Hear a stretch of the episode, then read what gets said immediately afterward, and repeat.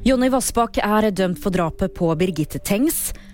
Dødstallet stiger etter kraftig jordskjelv, og forventer skyhøy salgspris for gammel iPhone.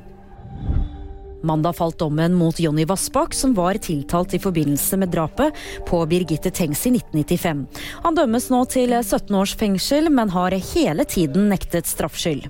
Han har jo med eh, styrke hevda sin uskyld hele veien eh, gjennom eh, denne saken, og han har altså brutt sammen underveis. Det sa VGs krimkommentator Øystein Millie.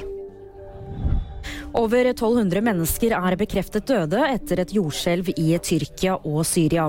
Jordskjelvet hadde en styrke på 7,8 og var også merkbart i Israel, Kypros og Libanon. VGs reporter i Beirut, Kyrre Lien, forteller om stor dramatikk. Det er en dramatikk som vi også har opplevd her. Vi er 40 mil unna eh, der hvor jordskjelvet faktisk har vært. Men allikevel så har det vært eh, veldig merkbart over hele byen her i Beirut. Den originale iPhonen fra 2007 er lagt ut på auksjon. Mobilen er ubrukt og fortsatt i en urørt forpakning.